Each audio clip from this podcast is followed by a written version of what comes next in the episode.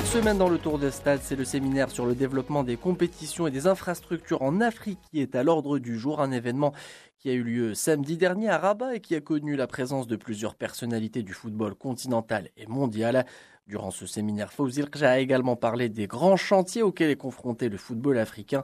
Le président de la Fédération royale marocaine de football qu'on écoute. S'il y a deux ans, on avait un peu de temps pour réfléchir, pour débattre, il est aujourd'hui un impératif de réagir et d'agir sans qu'il y ait plus de pertes de temps, sans qu'il y ait de relâchement dans l'action, avec la détermination nécessaire, la bonne volonté des uns et des autres, conjuguée à l'expertise et malgré tout le potentiel dont on dispose, on est souvent critiqué de fragilité, pour ne pas dire de sous-développement et de blocage d'évolution. Si la situation est aussi difficile et vous en connaissez le détail, de notre football africain, le potentiel est là. À mon sens, le contexte est plus favorable que jamais. Le président de la Fédération royale marocaine de football a ensuite laissé la parole au président de la Confédération africaine, Ahmed Ahmed. Le malgache a mis en lumière les difficultés de l'instance et souligné que le joueur africain qui évolue à l'étranger doit être mis dans les meilleures dispositions afin d'offrir le meilleur sous le maillot de son pays.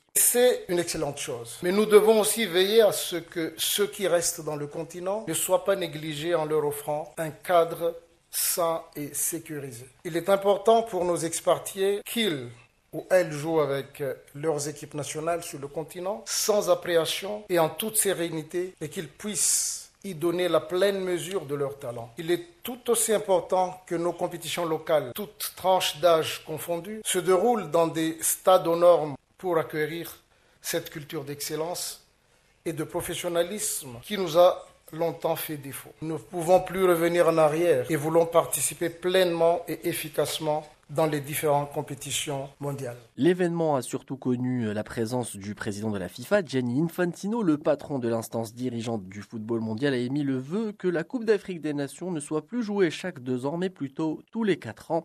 L'idée, selon le Suisse, est de permettre à cette compétition africaine de se faire une place plus importante sur le plan mondial. Gianni Infantino qui n'a pas mâché ses mots concernant la situation du football en Afrique. Une fois qu'on a réglé la question des arbitres en les professionnalisant, une fois qu'on a investi un milliard ou plus, parce que je fais un appel à tous les investisseurs présents et qui ne le sont pas encore ici, de croire et d'investir dans le football africain. Donc une fois qu'on a les infrastructures, il faut jouer, il faut des compétitions. Et là aussi, euh, je constate et je vois qu'on fait des choses, on organise des championnats, on organise des compétitions des équipes nationales, on organise la Coupe d'Afrique des Nations, on organise le Chan, tout le monde participe, mais ça n'a pas vraiment l'impact qu'on aimerait. Parce que peut-être il faut faire les choses différemment. Et c'est pour ça que quand on parle d'investissement, il faut investir aussi dans les compétitions. Et quand on parle compétition, il ne faut pas juste copier ce qui se fait en Europe. Il faut réfléchir à faire quelque chose qui va projeter l'Afrique et le football africain au top, au sommet du monde. Et alors il y a quatre domaines dans les compétitions sur lesquels il faut travailler. Je vais les mentionner brièvement. On doit avoir euh, un petit peu de courage. Et on doit investir dans le football féminin, dans le football des jeunes, dans le football des équipes nationales et dans le football Alors pour ce qui est du football féminin, on a décidé, après la Coupe du Monde en France l'année dernière, d'augmenter le nombre d'équipes pour la Coupe du Monde. Mais ce n'est pas suffisant. Ce n'est pas suffisant d'avoir une ou deux équipes de plus qui vont jouer un tournoi de la FIFA tous les quatre ans. C'est pour ça qu'on va proposer au niveau de la FIFA ce qu'on avait déjà proposé il y a quelques années. Ça n'a pas passé. J'espère que cette fois, il y aura un peu plus de soutien on va proposer de créer une ligue mondiale des équipes nationales pour le football féminin afin de permettre à toutes les équipes de pouvoir jouer avec continuité. Et on va aussi investir en augmentant le nombre de participants pour les compétitions des jeunes filles. La Coupe d'Afrique des Nations aujourd'hui génère 20 fois moins.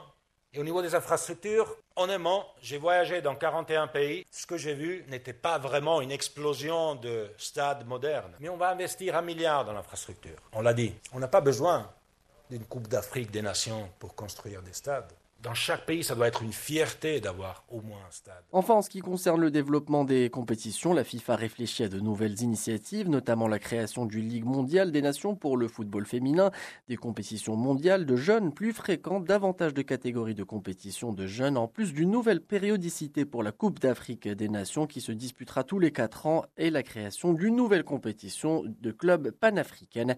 Autant dire que le chantier est énorme pour une confédération africaine de football plus que jamais appelée à franchir un palier.